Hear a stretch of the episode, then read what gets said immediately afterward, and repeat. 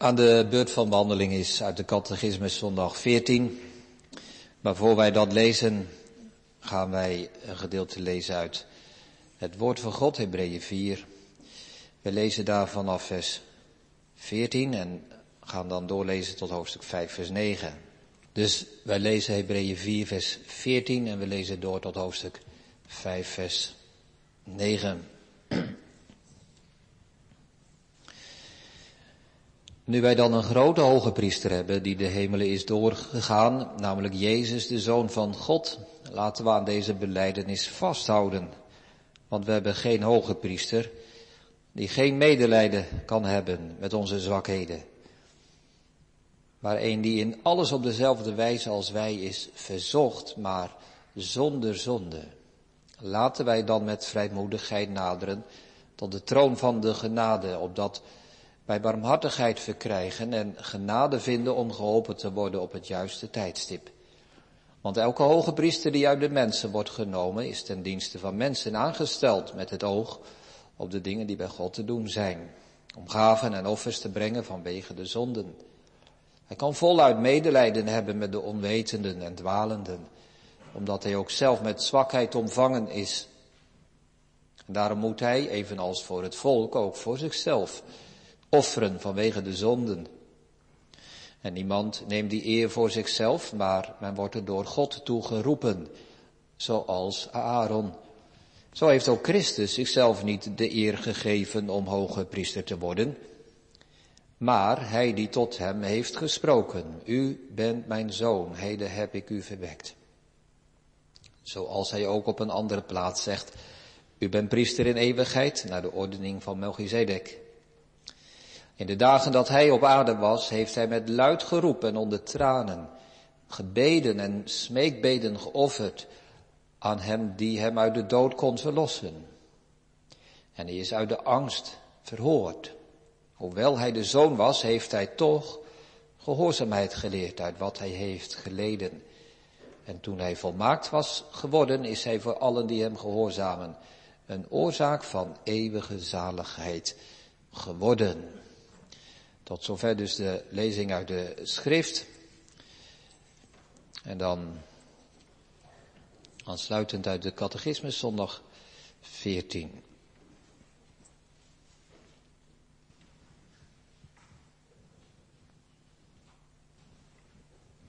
Zondag 14, vraag en antwoord 35 en 36. Wat betekent die ontvangen is van de Heilige Geest, geboren uit de Maagd Maria? Antwoord is dat de eeuwige Zoon van God, die waarachtig en eeuwig God is en blijft, door de werking van de Heilige Geest de ware menselijke natuur uit het vlees en bloed van de Maagd Maria heeft aangenomen, om werkelijk de nakomeling van David te zijn, zijn broeders in alles gelijk, maar zonder zonde. Welk nut hebben de heilige ontvangenis en geboorte van Christus voor ons? Antwoord dat hij onze middelaar is en met zijn onschuld en volkomen heiligheid mijn zonden waarin ik ontvangen en geboren ben voor Gods aangezicht bedekt. Thema boven de preek is erfzonde, het grootste probleem van de wereld. Het gaat hier in uh, de woorden van antwoord 36 over de zonde waarin ik ontvangen en geboren ben. Dat noemen we de erfzonde. Ik leg dat straks uiteraard nog wel even wat verder uit. De erfzonde, het grootste probleem van de wereld. Drie gedachten. Wat is het probleem? Ten tweede, wat is het antwoord? En ten derde, wat is de praktijk? Wat is het probleem? We kunnen natuurlijk op zoek gaan naar een antwoord. Dat moet ook. Maar we moeten ook goed helder hebben wat het probleem is. Het probleem van de erfzonde. Dat zal onze eerste gedachte vormen. En dan ten tweede, wat is het antwoord? Hoe heeft God geantwoord op dit probleem van ons toen hij zichzelf gaf en God mens is geworden? En de derde gedachte, wat is de praktijk? We zien in vraag 36 wat nut heeft dat voor ons. Dan proberen we ook de stap te maken naar het leven van elke dag.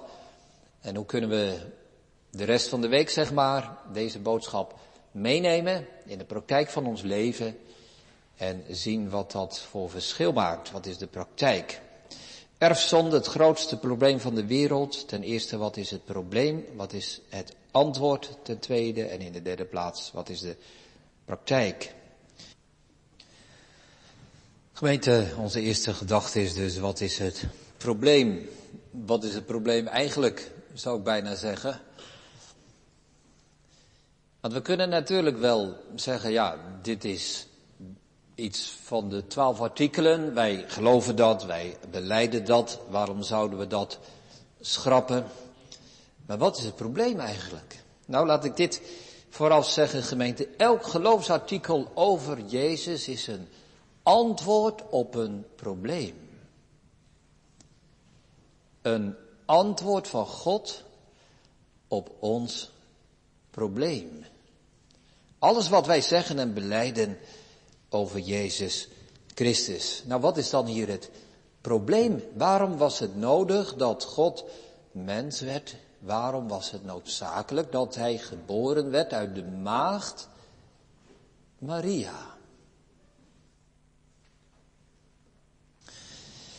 Er zijn meerdere antwoorden, zoals bekend. De Roomse kerk zegt ja, uh, het was uit de maagd, want seksualiteit is zondig en verkeerd.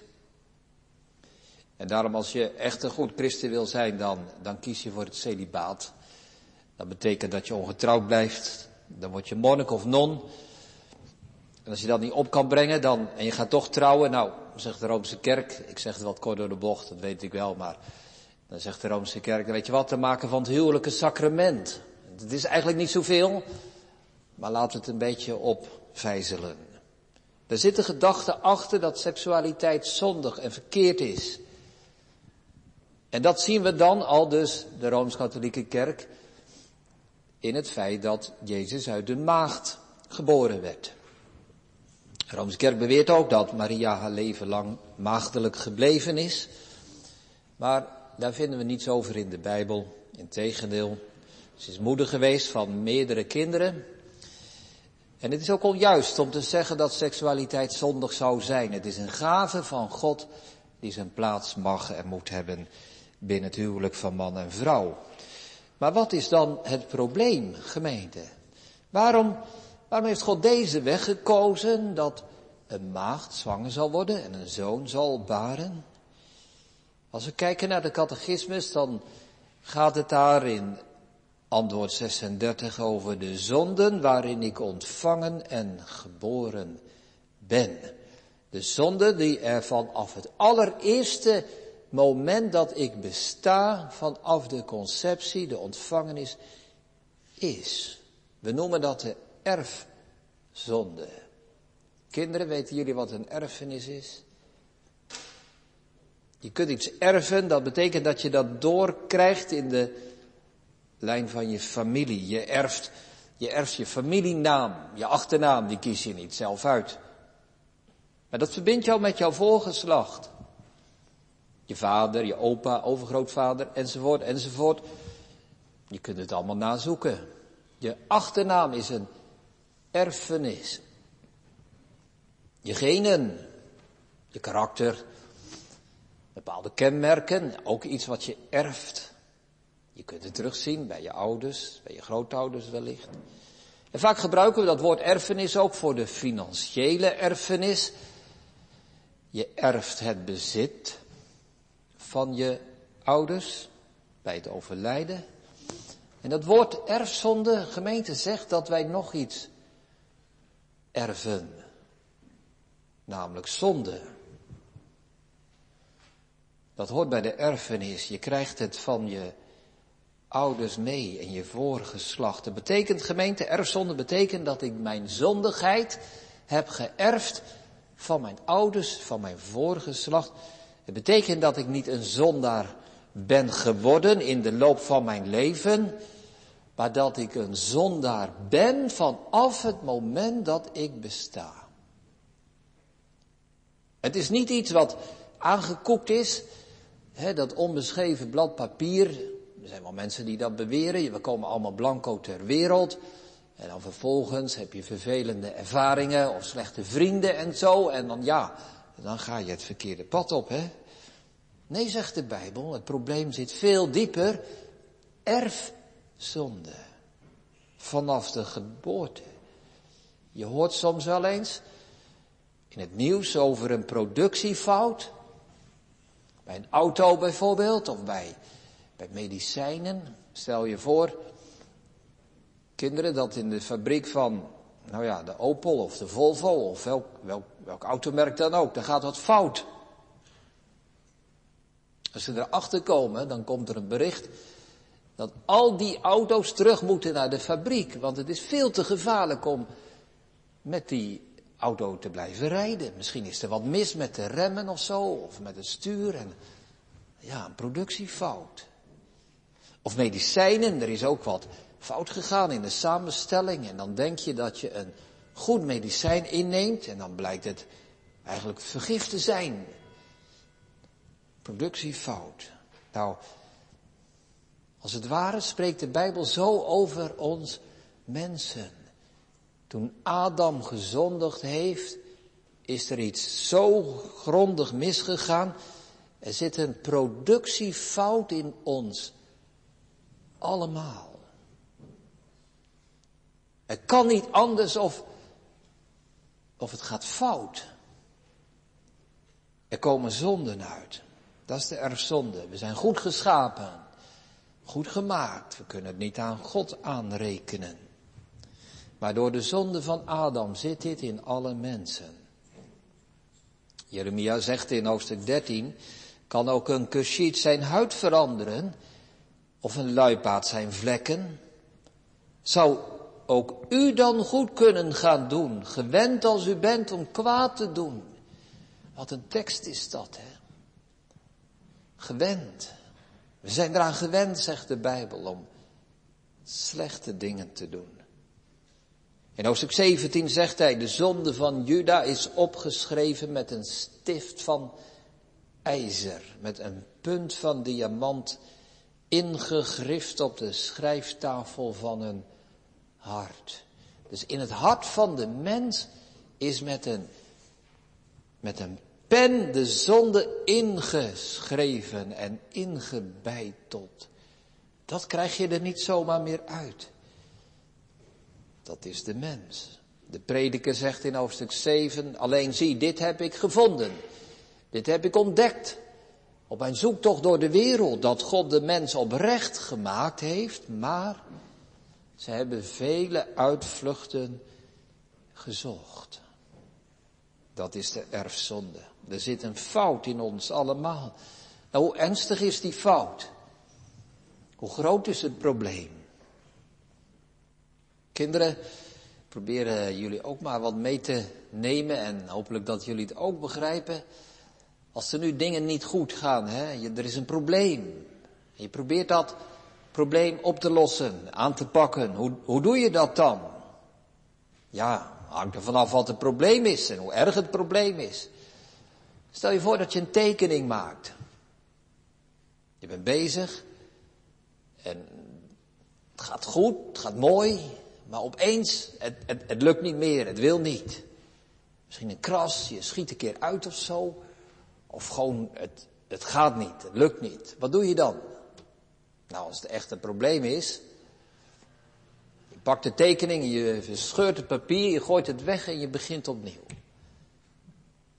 Van vooraf aan, vanaf het begin, nog een keer proberen. Misschien dat je op school ook wel dit jaar, ja, het ging niet zo goed. Of er zitten kinderen in, in de klas waar het niet zo heel goed ging. En dan heb je gehoord, ja, je moet de klas overdoen. Ja, dan begin je nog een keer opnieuw, helemaal aan het begin. Nog een keer groep 5 of groep 7 of welke groep dan ook. Zou dat het probleem zijn met ons mensen? We maken fouten. We zeggen aan de kant, we beginnen gewoon weer bij nul. Nog een keer, helemaal. Nou kom ik zo op terug of dat kan. Er zijn ook gevallen waar we zeggen, nou ja, we moeten er maar mee leren leven. We accepteren het. Er zijn mensen die een ongeluk hebben gekregen. Auto-ongeluk of zo. En die krijgen van de dokter te horen, meneer of mevrouw, u moet ermee leren leven. Er zijn mensen die corona hebben gehad. Gelukkig zijn ze niet gestorven, maar ze, ze voelen het. Hun longen zijn niet meer zo sterk en zo goed als vroeger. Leer er maar mee te leven. De gevolgen zijn blijvend. Wees maar tevreden met wat minder dan vroeger. Kan het zo gemeente bij het probleem van de erfzonde? Probeer het vast te houden, ik kom er zo wel weer op terug. Er zijn gevallen die, ja, die nogal ernstiger zijn. Er zijn gevallen dat mensen niets overhouden dan hun herinnering. Als je huis in brand gaat en alles verbrandt en je kunt, je kunt alleen nog je fotoalbum redden.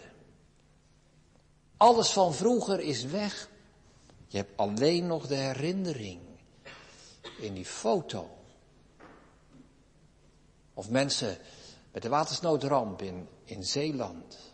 Die hebben nog een boek uit die tijd. En dat, dat boek is eigenlijk, ja, het is een herinnering, maar het laat ook wel zien dat ze ongeveer alles kwijt zijn. En misschien wel de ergste vorm van een reactie, omgaan met een probleem, was het gewoon opgeven. Als we zeggen, hier valt niets meer te redden. Dit is een onherstelbare puinhoop. Soms, soms gebeurt dat tussen mensen als een vriendschap stuk gaat. Soms gebeurt dat met een huwelijk. Als mensen zeggen, we gaan uit elkaar, er is niets meer te redden. We geven de moed op. Wat is dat pijnlijk, wat is dat zwaar. Valt niets meer te redden. Kijk kinderen, als je, als je thuis een appel hebt hè, en er zit een rotte plek in. Ja, dan bak je een mesje en dan snij je die rotte plek eruit. Dat kan. Dan eet je de appel op, die is verder nog goed en die rotte plek gaat eruit. Bij een appel lukt dat, maar wat nu als de, als de melk zuur is geworden? Je kunt uit die melk niet een zure plek snijden of zo, hè. Of als het vlees bedorven is. Dan moet het helemaal weg. Helemaal, volledig. Er is niets meer aan te redden. Nou gemeente, onze eerste gedachte, wat is het probleem? Erfzonde is een probleem. Erfzonde is het grootste probleem van de wereld. Ik denk dat ik dat wel mag en kan zeggen. Het probleem van de erfzonde zien wij als je de gevangenis ingaat. Waar mensen zitten die ja, zoveel kwaad hebben gedaan dat ze moeten worden opgesloten. Gevaar voor zichzelf en vooral een gevaar voor anderen. Ja, de misdadigers opgeruimd. Ja, maar, maar het probleem van de erfzonde zien wij ook in de politiek. Mensen die bezig zijn om aan de macht te komen. En misschien wel met mooie woorden en in mooie pakken. Zich voordoen. Om zich in te zetten voor het landsbelang en uiteindelijk alleen maar bezig zijn met zichzelf. Erfzonde. Erfzonde is het grootste probleem in de opvoeding. Ouders, als je kinderen soms niet zo goed luisteren als je zou willen. Ben je dan een slechte vader of een slechte moeder? Nou, je hebt kinderen met erfzonde. Je kinderen willen verkeerd. Ze hebben de neiging om kwaad te doen. Zegt de Bijbel. Erfzonde is het grootste probleem in de kerk. Ja. Waarom gaat de zonde aan de kerk niet voorbij? Waarom kunnen er ernstige dingen gebeuren? Kan er ruzie zijn? Kan er haat zijn? Kan er misbruik zijn in de kerk? Dat komt omdat dat menselijke hart slecht is. Is iemand die heeft gezegd, misschien kent u, ken jij die uitspraak wel. De leer van de erfzonde is het enige christelijke leerstuk wat je met je eigen ogen waar kan nemen. Ja, de hemelvaart, dat geloven wij, maar dat kun je niet zien, hè. Maar de erfzonde kun je zien. Kijk maar om je heen.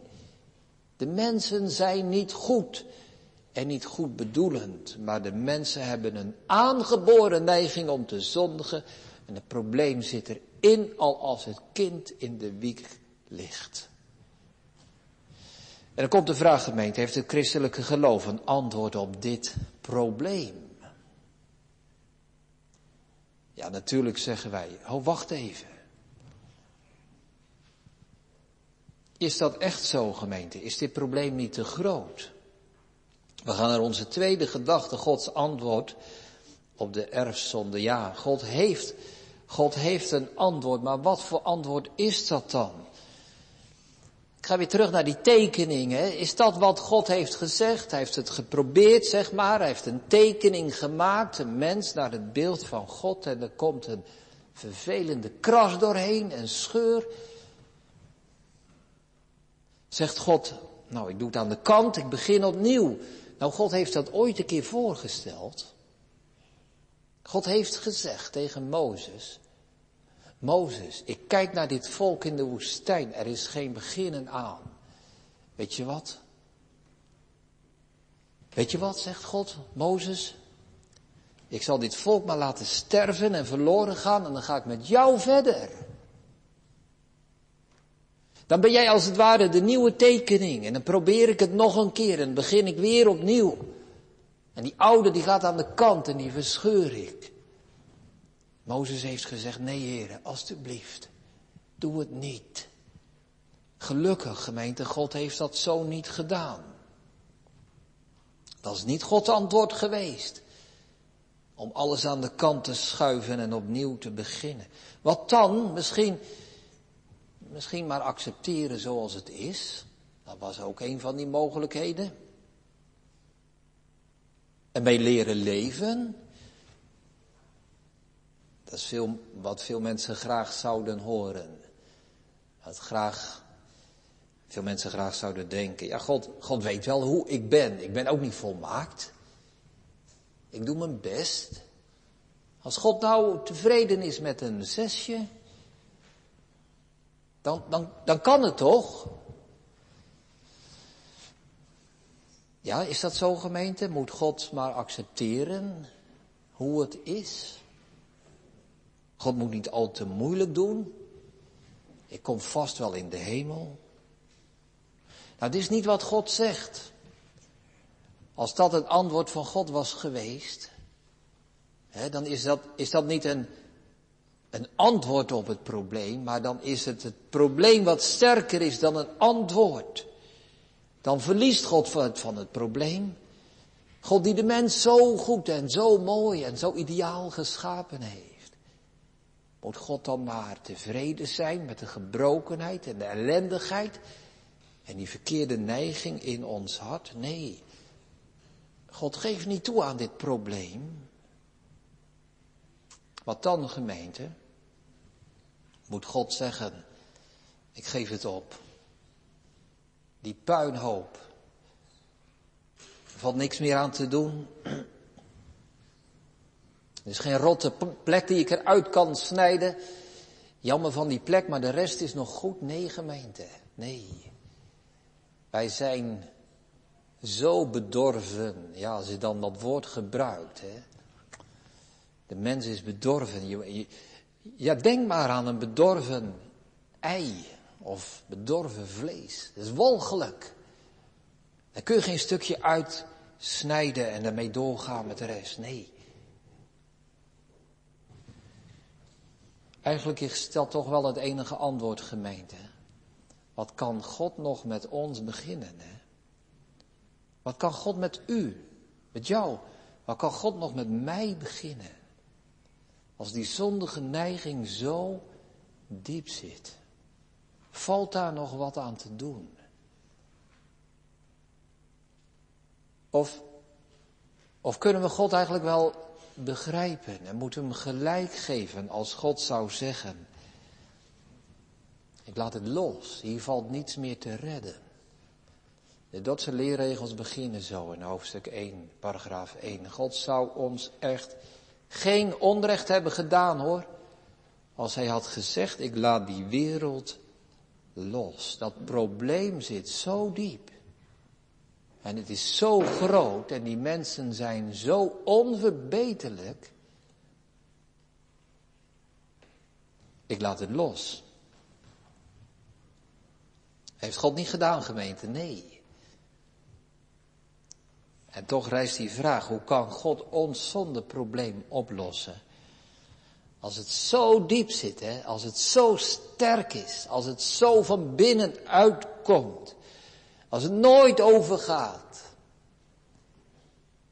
Hoe kan God dat probleem aanpakken? Die erfzonde, zegt de Bijbel, is zo ernstig dat ze de dood verdient. Romeinen 5. Door één mens is de zonde in de wereld gekomen en door die zonde de dood. En de dood is over alle mensen gekomen, in wie alle gezondigd hebben.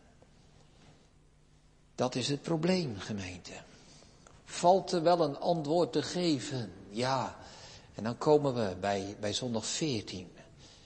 God is mens geworden uit de maagd Maria. Ik vat het samen, ik ga het uitwerken, maar ik probeer het in één zin te zeggen, gemeente. In één zin, wat God heeft gedaan.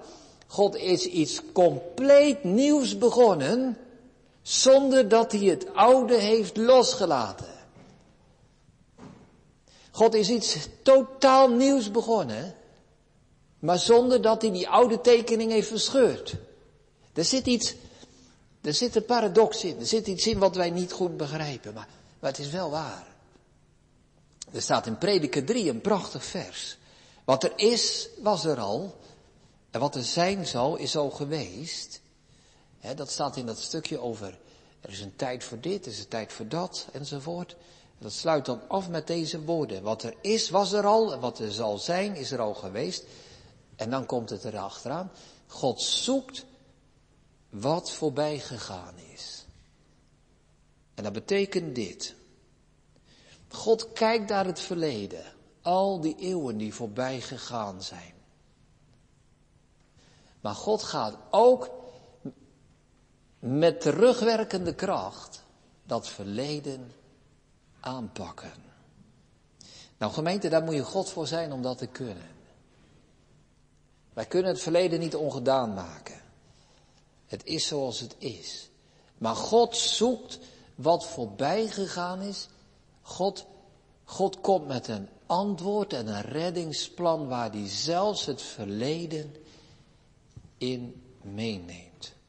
Nou, dat zien we gemeente hier in, in de catechismus. Wat betekent het? Vraag en antwoord 35. Die ontvangen is van de Heilige Geest, geboren uit de Maagd Maria, dat de eeuwige Zoon van God, die waarachtig een eeuwig God is en blijft, door de werking van de Heilige Geest de ware menselijke natuur het vlees en bloed van de maagd Maria heeft aangenomen. Dus dat is het compleet nieuwe. God wordt mens. Er komt een mens, Jezus, die zo uniek en anders is, dat er een totaal iets nieuws gebeurt. God wordt mens. Hij is een laatste Adam. Hij, ja, Zoals die eerste adem, nog een keer beginnen, maar dan zonder te vallen in de verleiding, zonder te struikelen. God wordt mens zoals de mens bedoeld is. Hij is ons in alles gelijk geworden, hebben wij gelezen, behalve de zonde. Dus dat is het nieuwe. Dat is het nieuwe, dat God mens wordt. In de maagd Maria. Uniek. Onverklaarbaar. Iets nieuws. En tegelijkertijd, gemeente, staat achteraan, om werkelijk de nakomeling van David te zijn. Dus het is niet dat God alleen dat nieuwe heeft waarmee, waarmee hij inbreekt in de wereldgeschiedenis. God die mens wordt uit een maagd. Iets compleet nieuws. Maar, maar hij doet nog wat. God sluit zich aan in de lijn van de geschiedenis. Hij wordt geboren uit de maagd Maria. Hij is zoon van Maria. Hij is zoon van David. Hij is zoon van Abraham. Hij is zoon van Adam. Als je de geslachtsregisters nakijkt in Matthäus en Lucas, dan zie je dat dat tot op Adam teruggaat. Ja, dus die lijn van boven naar beneden, dat nieuwe. Maar tegelijkertijd die lijn van de geschiedenis, dat verleden, komt erin mee. God pakt ook die lijn en die draad op vanaf het begin van de wereld. Dus het is niet alleen dat God mens wordt, maar die concrete vrouw, dat meisje, Maria daar, die een vader en moeder had, en een opa en een oma en een voorgeslacht, dat teruggaat tot het begin van de wereld, die lijn wordt opgenomen. Dus God zoekt wat voorbij gegaan is. En er staat er nog iets belangrijks, gemeente, waar ik op wil wijzen. Hij heeft de ware menselijke natuur aangenomen. God heeft niet één mens, Jezus, aanvaard, uitgekozen om zoon van God te zijn, maar heeft de menselijke natuur aangenomen. Niet de menselijke persoon, niet één individu, maar de mensheid betekent dat. God heeft de mensheid meegenomen. Er is geen beperking, er is geen, geen grens, er is ruimte voor iedereen. Er is ruimte voor alle mensen, want Jezus heeft de menselijke natuur in zich opgenomen. We gaan naar de derde gedachte, gemeente. Wat is de praktijk? We hebben gezien wat het probleem is, het grootste probleem van de wereld. We hebben gezien hoe God een antwoord geeft door iets nieuws te doen zonder het oude te vernietigen of op te geven. En nu onze derde vraag, wat is de praktijk? Catechismus heeft twee vragen in zondag 14. Vraag 135 gaat over de leer, zeg maar. Wat geloven wij, wat beleiden wij, wat zegt de kerk? En vraag en antwoord 36 zegt, en wat nut hebben wij dat daarvan? Welk nut hebben de heilige ontvangenis en geboorte van Christus voor ons? En laten we die twee alsjeblieft bij elkaar houden, gemeente. Ik kan natuurlijk wel een preek houden en zeggen, nou, dit is orthodox, dit is rechtzinnig. En als je het er niet mee eens bent, dan ben je een ketter. Ja, misschien is dat wel waar ook. Maar die tweede vraag hoort erbij. Welk nut heeft dat voor ons? Je mag zeggen, dominee, ik hoor u praten, maar vandaag is het zondag en morgen is het weer maandag. Wat heb ik dan aan de boodschap van de zondag? Ja, die vraag mogen wij, moeten wij stellen. Deze week, even een stapje, uitstapje. Deze week is James Packer overleden. Ik denk dat er meerdere van ons zijn die zijn boeken kennen, gelezen hebben. Bijzondere man geweest. 93 jaar geworden. De man heeft zoveel mogen betekenen voor de wereldwijde kerk. En ik heb een keer een een lezing van hem bekeken waar het heeft over, over de catechisatie en over de catechismus. En dan zegt hij, zoals hij dat zo prachtig kon doen, bijna niemand kon het soms zo eenvoudig zeggen als hij. Hij zegt, wat is catechisatie? Twee dingen. Eén, we vertellen onze kinderen wat wij geloven. Twee, wij vertellen onze kinderen wat dat voor verschil maakt in het leven. Nou, dat is prachtig. Wij vertellen niet alleen maar de namen en feiten aan onze kinderen. We moeten niet tevreden zijn als we de twaalf zonen van Jacob kunnen opdreunen. Maar wat betekent het voor het leven, voor de praktijk, als wij beleiden dat Jezus uit de maagd Maria geboren is? Ga ik daar anders van leven? Kan ik mezelf, mijn leven, mijn toekomst anders zien? Ja, nou de catechismus doet dat gemeente. Dit is wel een goede catechismus. Die twee vragen bij elkaar. Wat beleiden wij en wat nut ons dat? Antwoord dat hij onze middelaar is en met zijn onschuld en volkomen heiligheid mijn zonden, waarin ik ontvangen en geboren ben voor Gods aangezicht, bedekt. Erfzonde. Gemeente, we herkennen die vier antwoorden die ik eerder gaf, die vier mogelijkheden wellicht ook wel. Soms heb je de neiging om de tekening van je leven te verscheuren en opnieuw te beginnen, toch? Soms zou je willen dat het kon. Veel mensen hopen op zo'n doorstart. Er zijn studenten die denken, nou weet je wat, als ik nou op kamers ga, als ik nou ga studeren, dan laat ik het verleden achter mij en dan begin ik daar opnieuw. Niemand die mij kent. Ik ga weg, ik start opnieuw. Ik ga studeren. Het lukt niet. Er zijn mensen die, die na een echtscheiding of na een overlijden denken, een tweede huwelijk. Ik maak een doorstart. Nu ga ik het beter doen. Nu ga ik het anders doen. Die eerste tekening is mislukt. Ik begin een tweede. Het gaat niet. Op de school van het leven kun je niet blijven zitten. Je kunt de klas niet overdoen. Misschien denken wij ook wel, ja, het is een soort ziekte, een handicap. Ik probeer er maar mee te leven. Ik moet maar tevreden zijn met hoe het gaat. Die zondige neiging van binnen, ja, ik moet gewoon de lat niet zo hoog leggen. Ja, gemeente, ik denk dan kun je als christen daarmee tevreden zijn, nee toch? Je kunt toch niet zeggen, nou, vijf en half, hè, dat is ook wel goed. Erfzonde helpt ons en, en dwingt ons tot die herinnering. Die heimwee naar het paradijs, zo mag je dat wel noemen. Dat verlangen naar iets wat echt goed is. Ieder mens kent dat verlangen. Dat liedje van verlangen. Maar we kunnen, we kunnen er niet heen terug. En ieder gemeente, dat vierde ook, ieder kent die wanhopige ervaring toch wel. Het is weer niet goed gegaan. Het is weer mislukt. Wat ben ik eigenlijk voor een wanhopig geval? Ik zou God wel begrijpen als die de moed opgeeft.